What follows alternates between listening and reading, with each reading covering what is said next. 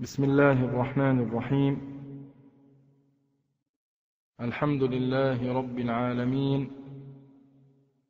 له النعمة وله الفضل وله الثناء الحسن.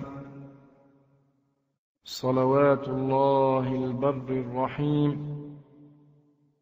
والملائكة المقربين. على سيدنا ومولانا محمد سيد الأولين والآخرين وعلى آله وصحبه الطيبين الطاهرين. اللهم علمنا ما ينفعنا وانفعنا بما علمتنا. وزدنا علما يا أرحم الراحمين. اللهم أكرمنا بالإخلاص في القول والعمل والنية. وبعد يقول الله سبحانه وتعالى في القرآن الكريم فارتقب يوم تأتي السماء بدخان مبين. يغشى الناس هذا عذاب أليم. ربنا اكشف عنا العذاب إنا مؤمنون. أنى لهم الذكرى وقد جاءهم رسول مبين. ثم تولوا عنه وقالوا معلم مجنون. إنا كاشف العذاب قليلا إنكم عائدون يوم نبطش البطشة الكبرى إنا منتقمون الله سبحانه وتعالى يذكر لنا في هذه الآيات البينات بقوله فارتقب يوم تأتي السماء بدخان مبين. ارتقب معناه انتظر يا محمد. صلى الله عليه وسلم. انتظر يا محمد بهؤلاء الكفار. يوم تأتي السماء بدخان مبين. الدخان المقصود في هذه الآية على أقوال شتى لعلماء التفسير. من العلماء من أهل التفسير ومن صحابة رسول الله صلى الله عليه وسلم من قال الدخان من أشراط الساعة بعد ما حصل ولكنه سيحصل. بعض أهل التفسير ذكروا أن المقصود بهذه الآية فارتقب يوم تأتي السماء بدخان مبين. دخان ظاهر. هذا المقصود به أنه من علامات الساعة الكبرى سيحصل دخان مبين ظاهر. وهذا بعد ما حصل. وإنما سيحصل فيما بعد من علامات الساعة الكبرى وأنه يمكث في الأرض أربعين يوما. يملأ ما بين السماء والأرض.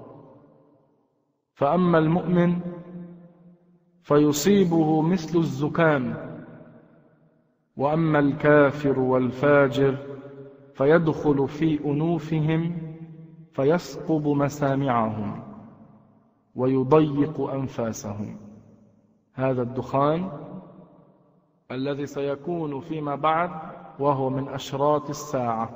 بعد ما حصل. قال هذا بعض علماء التفسير. ممن قال هذا سيدنا علي رضي الله عنه وابن عباس وابن عمر وأبو هريرة وزيد بن علي والحسن وابن أبي مليكة وغيرهم. قالوا جميعا المقصود بهذه الآية الدخان الذي سيحصل فيما بعد وهو من أشراط الساعة. بعد ما حصل. ولهم في هذا دليل. ففي الحديث المروي عن رسول الله صلى الله عليه وسلم الذي رواه الطبري عن أبي مالك الأشعري رضي الله عنه قال قال رسول الله صلى الله عليه وسلم إن ربكم أنذركم ثلاثا. الدخان يأخذ المؤمن كالزكمة ويأخذ الكافر فينتفخ حتى يخرج من كل مسمع منه. والثانية الدابة والثالثة الدجال. وعن أبي سعيد الخدري رضي الله عنه أن رسول الله صلى الله عليه وسلم قال يهيج الدخان بالناس فأما المؤمن فيأخذه كالزكمة وأما الكافر فينفخه حتى يخرج من كل مسمع منه. هذا ذكره الماوردي وذكره ابن أبي حاتم. وأما سيدنا علي رضي الله عنه فقال آية الدخان لم تمض بعد. يأخذ المؤمن كهيئة الزكام وينفخ الكافر حتى ينفد. رواه عبد الرزاق وابن أبي حاتم عن سيدنا علي رضي الله عنه. فهذا قول سيدنا علي وقول أبي سعيد الخدري وأبي مالك الأشعري أن هذا الدخان بعد ما حصل ولكنه سيحصل فيما بعد. كذلك حذيفة رضي الله عنه يروي عن رسول الله صلى الله عليه وسلم أن الرسول صلى الله عليه وسلم ذكر من الأشراط أشراط الساعة الدخان. فقال حذيفة يا رسول الله وما الدخان؟ فتلا رسول الله صلى الله عليه وسلم هذه الآية ارتقب يوم تأتي السماء بدخان مبين. فقال عليه الصلاة والسلام أما المؤمن يصيبه منه كهيئة الزكمة. وأما الكافر فيخرج من منخريه وأذنيه ودبره. رواه الطبري. وأما عبد الله بن عمر رضي الله عنهما فقال يخرج الدخان فيأخذ المؤمن كهيئة الزكام ويدخل مسامع الكافر والمنافق حتى يكون كالرأس الحنيذ المشوي على الردف على الحجارة التي حميت بالشمس أو النار. فهذا كذلك قول سيدنا عبد الله بن عمر أن هذا الدخان المقصود بهذه الآية بعد ما حصل ولكنه سيحصل فيما بعد.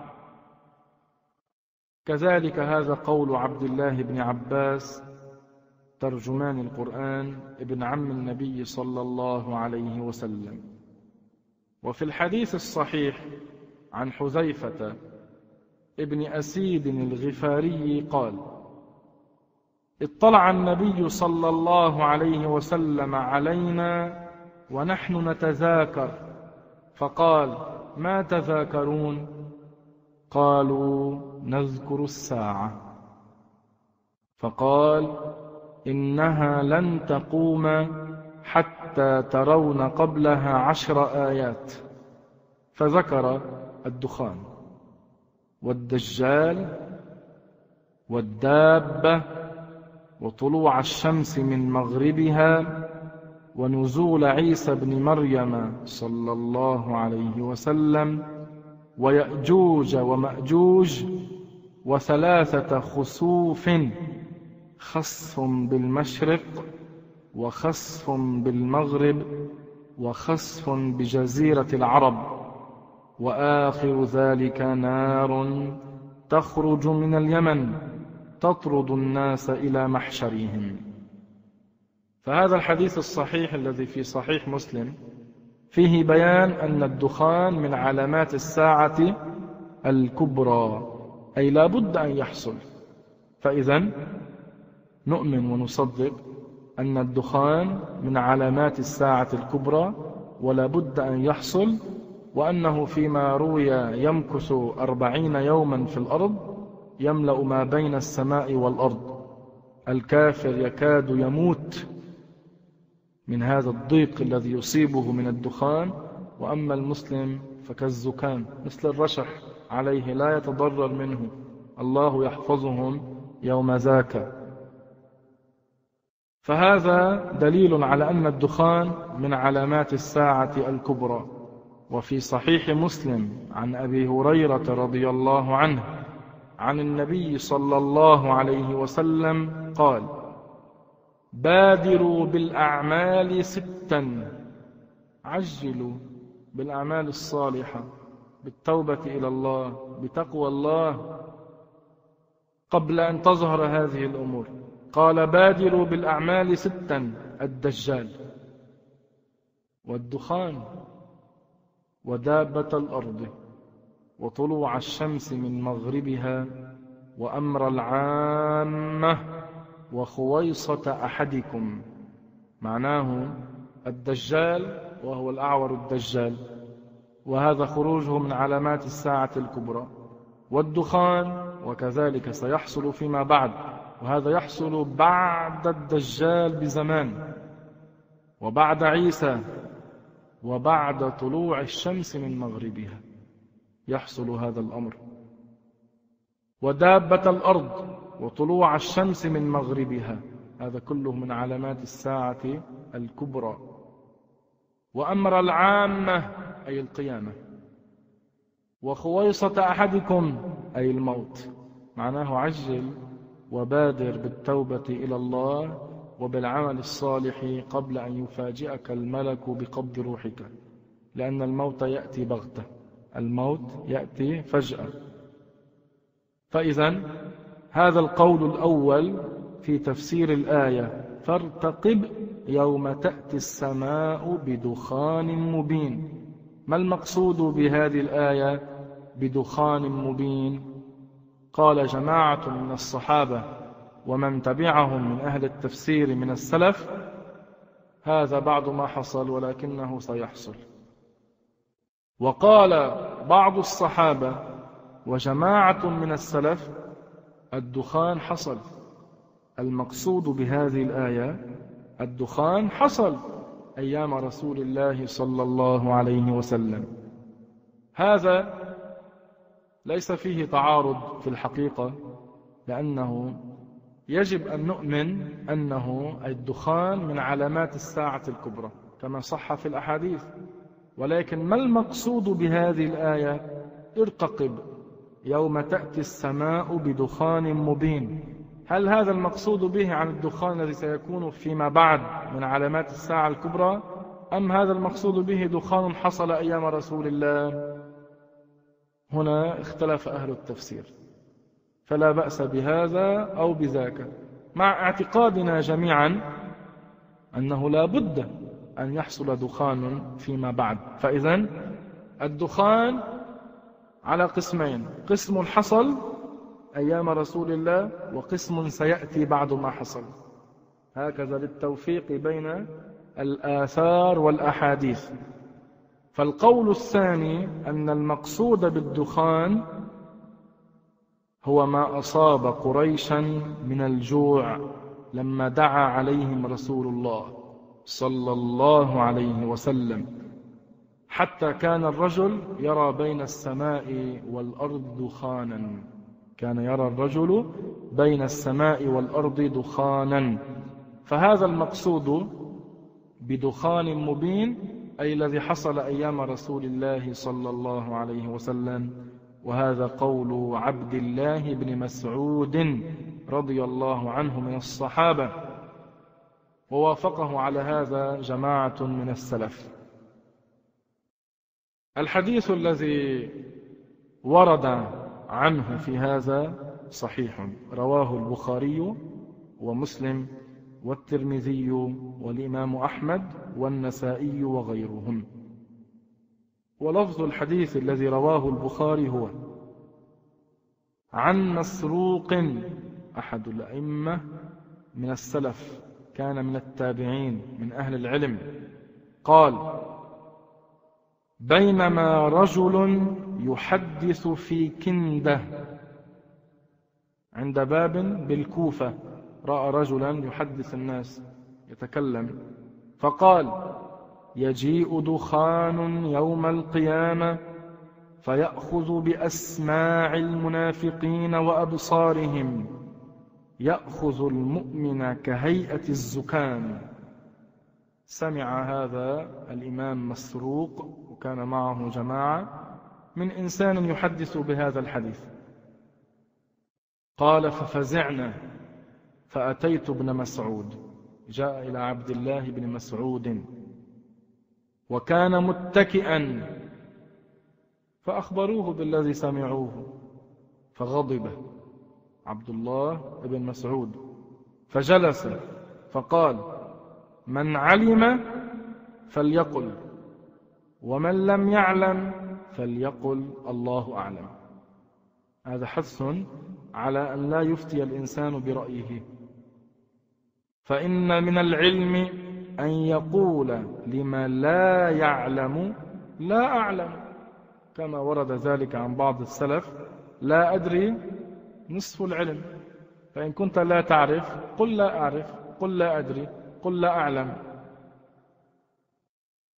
قال لهم فإن الله قال لنبيه صلى الله عليه وسلم قل ما أسألكم عليه من أجر وما أنا من المتكلفين. وإن قريشا هذا كلام ابن مسعود وإن قريشا أبطأوا عن الإسلام. بعدما دعاهم الرسول إلى الإسلام وأظهر الله على يديه المعجزات ما أسلموا.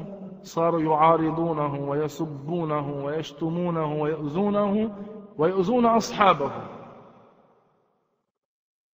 قال ابن مسعود فدعا عليهم النبي صلى الله عليه وسلم فقال اللهم أعني عليهم بسبع كسبع يوسف.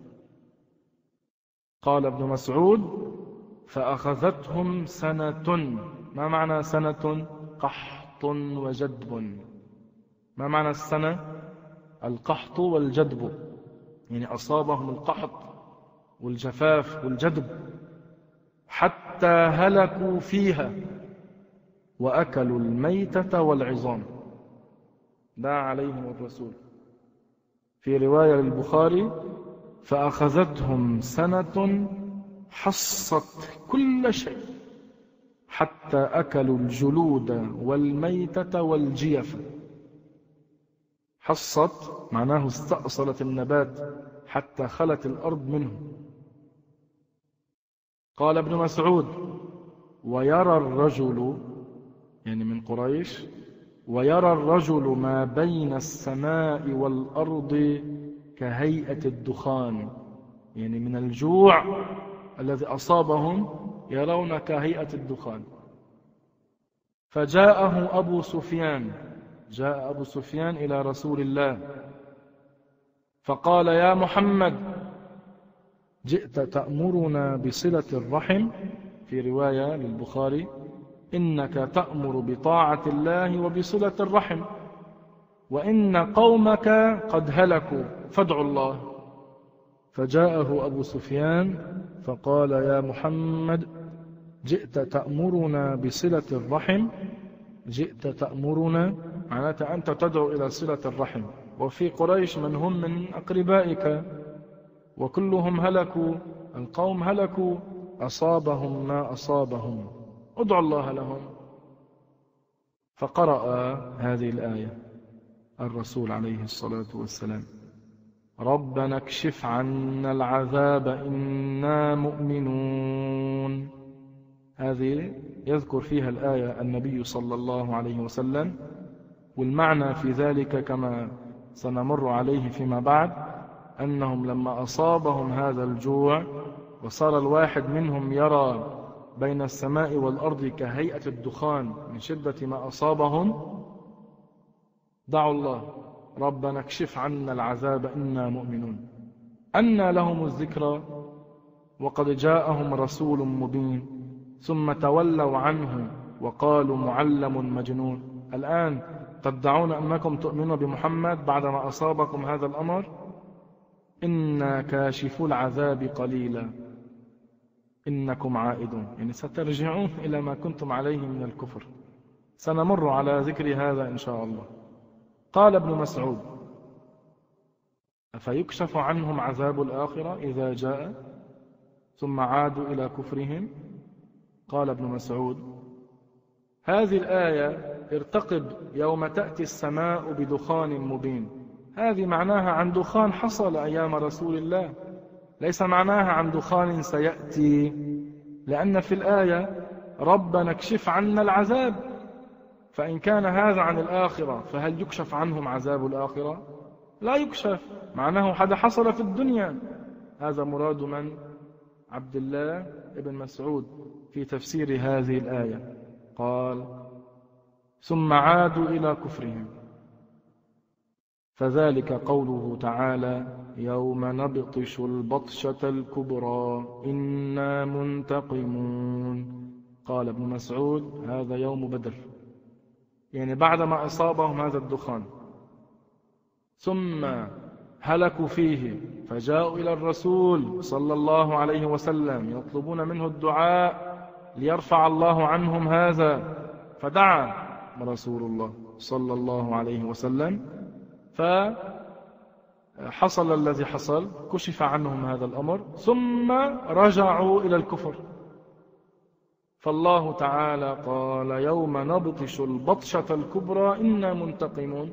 فسرها ابن مسعود أنه بعد ذلك حصلت معركة بدر فانتقم الله منهم. وقرأ الآية فسوف يكون لزاما. ابن مسعود قرأ هذه الآية فسوف يكون لزاما أي سيكون العذاب عليهم لزاما. قال ابن مسعود هذا يوم بدر. ثم قرأ الآية غلبت الروم في أدنى الأرض وهم من بعد غلبهم سيغلبون. فقال الروم قد مضى. في رواية للبخاري فلما أصابتهم الرفاهية يعني بعدما حصل لهم هذا الدخان الذي هم يرونه بهيئة الدخان فلما أصابتهم الرفاهية أي التوسع والراحة عادوا إلى حالهم حين أصابتهم الرفاهية فأنزل الله عز وجل يوم نبطش البطشة الكبرى إنا منتقمون. قال ابن مسعود يعني يوم بدر. وقال أيضا عبد الله بن مسعود قد مضى خمسة. الدخان والروم والقمر والبطشة واللزام. سنمر على ذلك أيضا. وفي رواية في صحيح البخاري فدعا رسول الله صلى الله عليه وسلم فسقوا الغيث نزل المطر فأطبقت عليهم سبعا وشكى الناس كثرة المطر. بعدما كانوا قد هلكوا بسبب الجفاف والجدب والقحط والجوع دعا الرسول فنزل المطر كثيرا حتى شكوا كثرة المطر فجاءوا إلى الرسول فقال الرسول اللهم حوالينا ولا علينا. فانحدرت السحابة عن رأسه فسقوا الناس حولهم فسقوا الناس حولهم ما عادت تأتي على عليهم جميعا. هذه كذلك في صحيح البخاري. في رواية عند الإمام أحمد وعند ابن ماجه جاءه رجل فقال استسق الله لمضر. بعدما حصل الذي حصل جاء رجل إلى الرسول وقال له استسق الله لمضر. ادعو الله أن يسقيهم المطر لهذه مضر لقبيلة مضر.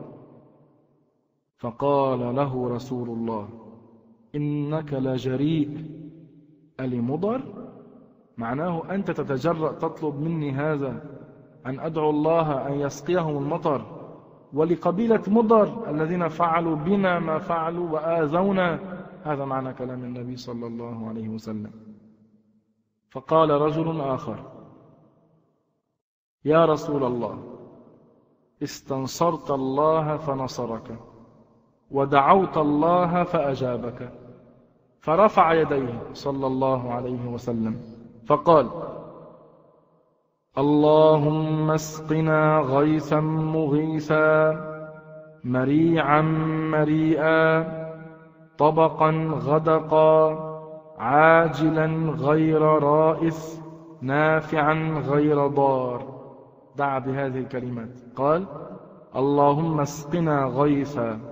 المطر مغيثا الغوث يعني العون والإنقاذ. اللهم اسقنا غيثا مغيثا مريعا خصبا مريئا هنيئا محمود العاقبة. طبقا قطعة واحدة لا تنثني. غدقا الغدق يعني المطر الكبار القطر قطرات المطر فيها كبيرة. عاجلا غير رائث غير ضعيف. نافعا غير ضار. قال الراوي فأجيبه. الله استجاب له.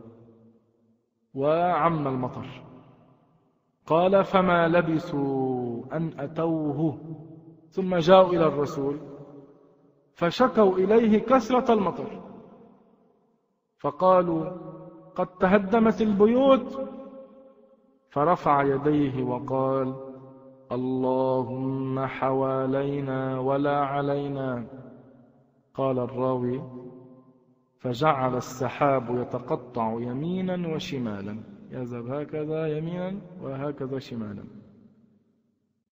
فإذا تفسير عبد الله بن مسعود لهذه الآية بدخان ظهر أيام النبي صلى الله عليه وسلم. من شدة الجوع الذي حصل بكفار قريش ومن شدة ما حصل بهم من الجفاف والقحط كانوا يرون ما بين السماء والأرض شيئا بهيئة الدخان. ابن مسعود هكذا فسر هذه الآية ووافقه جماعة من السلف. فبعد النظر في هذه الآثار المروية عن الصحابة الكرام وأهل السلف الذي يقتضيه النظر الصحيح أن نقول كما قال العلماء ومنهم الإمام النووي ومنهم الحافظ ابن دحية أن الدخان هو أمران شيء قد حصل وشيء سيحصل. شيء قد حصل وشيء سيحصل. يحمل أمر الدخان على قضيتين. الأولى وقعت وكانت والأخرى ستقع أي بقرب القيامة من علامات الساعة الكبرى. أما قول عبد الله بن مسعود الذي قال فيه خمسة قد مضت ذكر فيها الدخان والقمر قصده خمس علامات وقعنا. مضينا وقعنا. الأولى الدخان وفسر الآية يوم تأتي السماء بدخان مبين. الثانية القمر قال هذا حصل. اقتربت الساعة وانشق القمر. لما الرسول عليه السلام أشار إلى القمر انشق القمر فلقتين. معجزة لرسول الله صلى الله عليه وسلم. هذا حصل. الروم ذكر الآية غلبت الروم. والرابعة البطشة قال الله تعالى يوم نبطش البطشة الكبرى. فسرها ابن مسعود بيوم بدر بالقتل الذي حصل يوم بدر وأن المسلمين غلبوا المشركين. والخامسة اللزام قال معناه هذا كذلك عن يوم بدر الذي جرى على الكفار من القتل والأسر في يوم بدر. هذه الخمسة التي قال عنها ابن مسعود أنها مضت. فهذه أقوال المفسرين والعلماء في هذه الآية يوم تأتي السماء بدخان مبين. يغشى الناس هذا عذاب أليم. يغشى الناس معناه يحيطهم يتغشاهم للناس. هذا عذاب أليم معناه تقريعا لهم وتوبيخا هذا عذاب أليم. وقال بعض العلماء الناس يقولون لذلك الدخان الذي سيحصل أو حصل هذا عذاب أليم. ربنا اكشف عنا العذاب. يعني الكفار إذا عاينوا الدخان إذا عاينوا عذاب الله سألوا الله ارفع عنا هذا اكشف عنا هذا. إنا مؤمنون مصدقون بنبيك أنى لهم الذكرى وقد جاءهم رسول مبين. كيف لهم بالتذكر؟ وقد أرسلنا إليهم رسولا. بين الرسالة والنذارة. معناه الآن تؤمنون؟ بعدما كذبتم محمد ثم تولوا عنه أعرضوا. ما وافقوا. وقالوا معلم مجنون. قالوا هذا واحد مجنون يعلمه. يعلمه القرآن. الله قال إنا كاشف العذاب قليلا. وقتا قليلا. سنكشف عنهم هذا أي الذي حصل. أيام النبي صلى الله عليه وسلم. إنكم عائدون. ولكن أنتم ستعودون إلى كفركم. فعادوا إليه. وقال بعضهم إنكم عائدون أي إلينا مبعوثون بعد الموت. وقال بعضهم إنكم عائدون إلى نار جهنم إن لم تؤمنوا. أما الذين قالوا عن الدخان الذي سيكون فيما بعد قالوا هذا يحصل فيما بعد. بين آية وآية من علامات الساعة الكبرى يحصل فرجة قليلة يوم نبطش البطشة الكبرى إنا منتقمون. قال ابن مسعود هذا يوم بدر. قال ابن عباس هذا عن يوم القيامة. الله تعالى سينتقم منهم ويعذبهم عذابا شديدا لأنهم كفروا بالله ورسوله. فالله ينتقم منهم بإدخالهم النار. فإذا حاصل الكلام أن أمر الدخان يحمل على أمرين. دخان حصل ومضى فكان كفار قريش من شدة ما أصابهم من الجوع والقحط والجدب بسبب دعاء الرسول عليهم وهو الرسول ما دعا عليهم إلا بعد أن آذوه وأكثروا الإيذاء عليه وعلى أصحابه. دعاهم الإسلام إلى ما فيه خير لهم ومع ذلك أعرضوا. فدعا عليهم الرسول. فأصابهم قحط وجفاف وجدب. ثم أقبلوا على الرسول صلى الله عليه وسلم يطلبون منه أن يدعو الله أن يسقيهم المطر. فدعا الرسول. فسقوا المطر وعم حتى جاءوه بعد فترة بأنهم ما عادوا يتحملون مثل هذا. البيوت تهدمت بسبب كثرة المطر. فدعا صلى الله عليه وسلم قال اللهم حوالينا ولا علينا. دعا رسول الله فقال اللهم حوالينا ولا علينا. والأمر الثاني الذي يحمل عليه أمر الدخان سيكون فيما بعد سيحصل قبل قيام الساعة وهذا من علامات الساعة الكبرى. دخان يظهر في الأرض وهذا دخان حقيقي وهذا دخان حقيقي يكون في الأرض أربعين يوما. على المسلم يكون مثل الزكام لا يتأثر ولا يتضرر. وأما الكافر يكاد يموت ويكاد نفسه أن يضيق لأن الدخان يدخل من كل جوانبه ويحيط به. وهذا حاصل سيكون فيما بعد. سيكون هذا فيما بعد من علامات الساعة الكبرى. ومن علامات الساعة الكبرى رفع القرآن من الأرض. من علامات الساعة الكبرى رفع القرآن من الأرض. القرآن العظيم يرفع من الصدور والسطور إلى السماء. وهذا في آخر الزمان من علامات الساعة الكبرى وعندها يموت الخضر عليه السلام. القرآن الكريم محفوظ من التحريف. الله تعالى يقول إنا نحن نزلنا الذكر أي القرآن وإنا له لحافظون معناه محفوظ هذا القرآن الكريم من أن يزاد فيه أو ينقص منه. محفوظ من التحريف. أما بعض الكتب السماوية التي أنزلها الله على بعض أنبيائه. بعد فترة من الزمان حصل فيها التحريف حصل فيها التحريف. أما القرآن الكريم محفوظ من التحريف. لا يوجد اليوم كتاب سماوي صحيح إلا القرآن الكريم. وسيبقى إلى آخر الزمان ومحفوظ من التحريف. ولكن في آخر الزمان يرفع. يرفع من الأرض يرفع من السطور ومن الصدور فلا يبقى منه آية في الأرض. عندئذ يموت الخضر عليه السلام. والله سبحانه وتعالى جعل حفظ القرآن سهلا ليس أمرا صعبا. القرآن الكريم حفظه سهل. الله تعالى يقول ولقد يسرنا القرآن للذكر فهل من مدكر؟ معناه سهلناه للحفظ وأعنا عليه من أراد حفظه. فهل من طالب لحفظه فيعان عليه.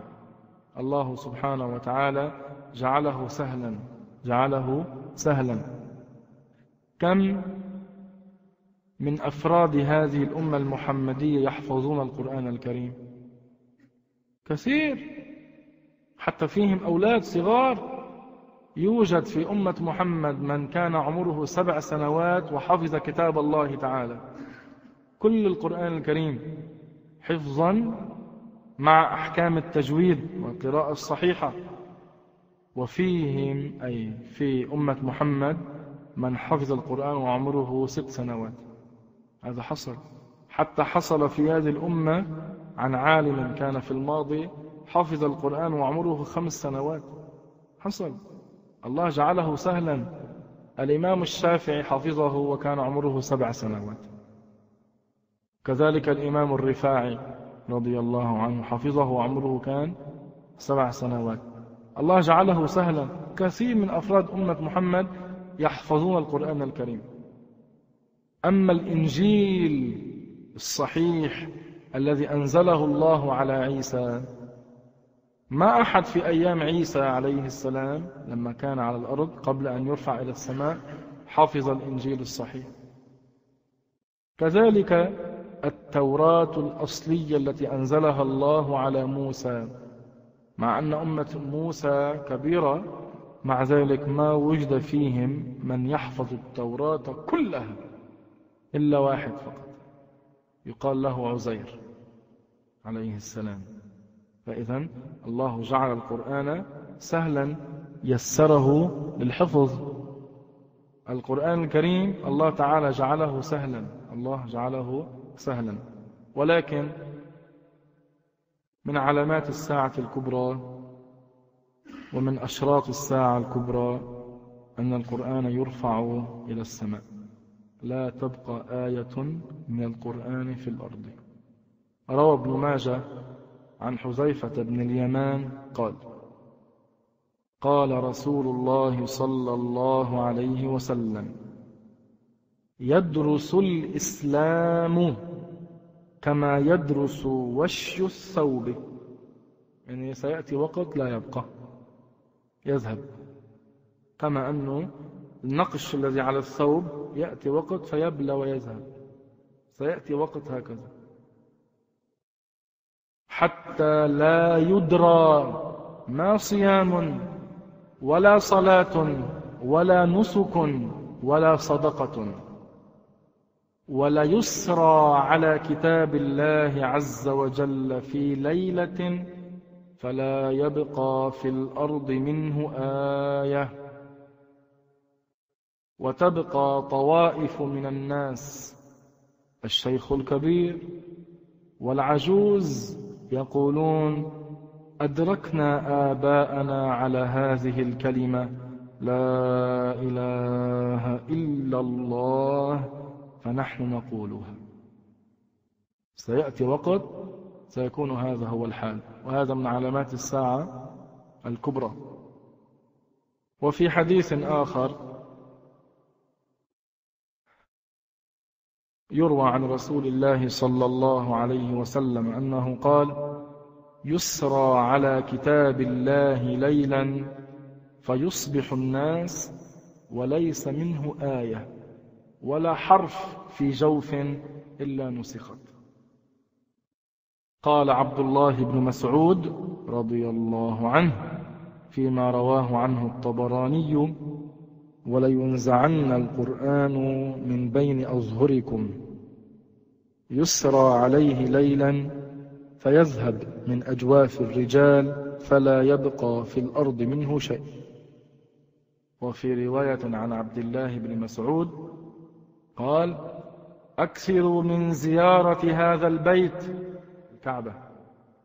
أكثروا من زيارة هذا البيت من قبل أن يرفع.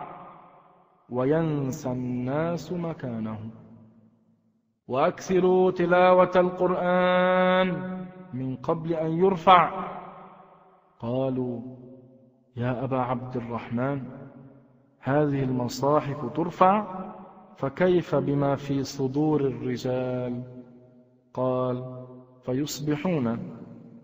فيقولون كنا نتكلم بكلام ونقول قولا. فيرجعون إلى شعر الجاهلية وأحاديث الجاهلية. يأتي عليهم وقت فيما بعد يرفع القرآن من الأرض ومن صدور الناس فلا يتذكرون منه شيئا. فماذا سيقولون؟ وماذا سيتحدثون؟ يرجعون إلى أحاديث الجاهلية وأشعار الجاهلية فيما بينهم يتكلمون. وهذا من علامات الساعة الكبرى. أما العلم فيقبض قبل ذلك بقبض العلماء. سبحان الله. ففي الحديث النبوي الشريف قال رسول الله صلى الله عليه وسلم إن بين يدي الساعة لأياما ينزل فيها الجهل ويرفع فيها العلم ويكسر فيها الهرج والهرج القتل. رواه البخاري وغيره. وفي حديث آخر يتقارب الزمان وينقص العمل ويلقى الشح وتظهر الفتن ويكثر الهرج. قالوا يا رسول الله أيما هو؟ إيش هو الهرج؟ قال القتل القتل. هذا الحديث في البخاري وغيره. معنى يتقارب الزمان معناه يقصر بسبب عدم البركة فيه. سبحان الله يصير اليوم الانتفاع به بمقدار الانتفاع بساعة. كما كيف كانوا ينتفعون باليوم في الماضي؟ ينتفعون الصالحون باليوم شيء الكثير يتزودون منه للآخرة. يأتي وقت يصير قدر الانتفاع باليوم قدر الانتفاع بساعة. هذا معنى يتقارب الزمان يقصر بسبب عدم البركة. وينقص العمل يقل من يعمل بالصالحات. ويلقى الشح معناه شدة البخل. يلقى هذا الأمر في قلوب الناس. الآن موجود هذا منه ولكن بعد ذلك سيزاد.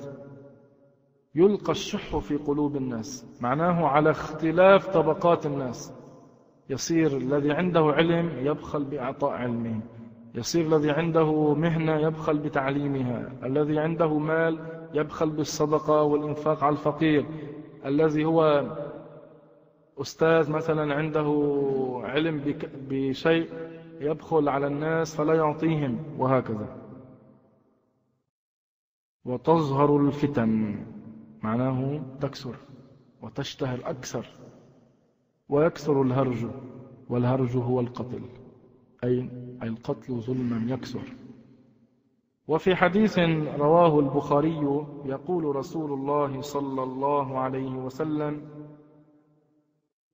إن الله لا ينزع العلم بعد أن أعطاكموه انتزاعا ولكن ينتزعه منهم مع قبض العلماء بعلمهم. فيبقى ناس جهال يستفتون فيفتون برأيهم فيضلون ويضلون. معناه سيأتي وقت مثل أيامنا هذه وسيزداد. الله سبحانه وتعالى يقبض العلم بقبض العلماء. يقل العلم بين الناس ويرفع العلم بين الناس بقبض العلماء. يموت. العلماء تموت. واحد تلو الآخر يموت. فلا يبقى بين الناس إلا الجهال. ما فيهم عالم. فالناس يتخذون رؤوسا لهم جهالا. يقول أنت رئيسنا أنت مرجعنا أنت شيخنا أنت عالمنا وهو يكون جاهل مثلهم.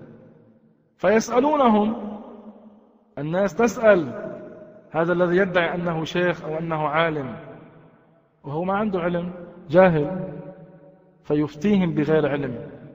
فالنتيجة كما قال رسول الله صلى الله عليه وسلم الرسول قال ضلوا وأضلوا. معناه الاثنين السائل والمسؤول. قال ضلوا وأضلوا. الذي أفتى بغير علم أفتى بخلاف الشرع ضل. والذي أخذ, أخذ منه الفتوى كذلك ضل. ما قال الرسول؟ هذا الذي أخذ منه الفتوى ما عنده علم جاهل من عوام الناس. هذا معذور. الله ربه ورب نيته فلا يحاسبه. الرسول ما قال هذا. شو قال؟ ضلوا وأضلوا. اثنيناتهم ضلوا. لأن الجهل ليس بعذر. الجهل ليس بعذر. أن يقول إنسان أنا شو عرفني هيك؟ قال لي الشيخ فلاني. هيك أفتاني أنه حلال أعمل هيك. الرسول قال ضلوا وأضلوا.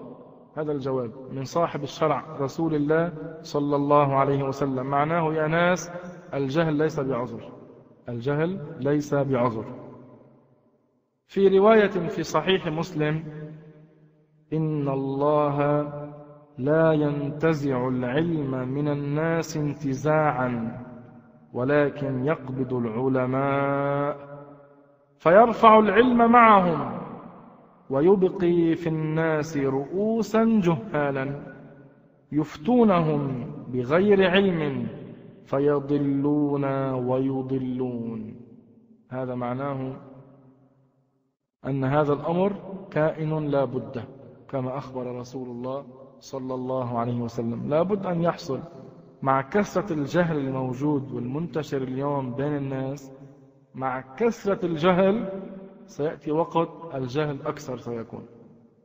ولكن عندما يظهر المهدي وبعده عيسى يعم الأمن والرخاء والعلم. بعده بعد وفاة عيسى عليه السلام يرجع الجهل بين الناس. فبعض الناس يتركون الإسلام والعياذ بالله ويعيش الناس على الجهل مدة. سبحان الله العظيم. إلى أن تقوم القيامة. إلى أن تقوم القيامة. فما بعد ذلك يزداد الأمر أشد وأشد ويكون الفتن أسرع من اليوم. كم اليوم تعدها سريعة بعد وفاة عيسى عليه السلام أي بعد نزوله الأرض ووفاته ستكون الفتن أسرع من اليوم بكثير وتتوالى الفتن وتتوالى الآيات علامات الساعة واحدة تلو أخرى حتى تقوم القيامة. فيما بعد من الزمان بعد طلوع الشمس من مغربها وخروج دابة الأرض يعم الدخان ثم يرفع المصحف من الأرض ثم تأتي ريح طيبة تدخل في إبط كل مسلم فتقبض أرواحهم فلا يبقى على وجه الأرض من يقول الله كلهم يكون على الكفر.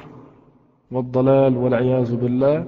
ثم بعد ذلك يأتي قوم من الكفار فيهدمون الكعبة. وكذلك يحصل أن المدينة وهي آخر قرية من قرى الإسلام خرابا. يأتي عليها زمان فيما بعد. هذا بعد أن تأتي الريح وتقبض أرواح المسلمين ولا يبقى إلا الكفار. يأتي وقت تخرب المدينة لا يكون فيها أحد إلا السباع والطيور. وهذا من العلامات الكبرى. بعد ذلك نار تخرج من أرض اليمن تسوق الناس إلى أرض المحشر. وإن شاء الله نتحدث عن هذه الأمور الريح وما بعدها في دروس دروس لاحقة. وسبحان الله والحمد لله رب العالمين.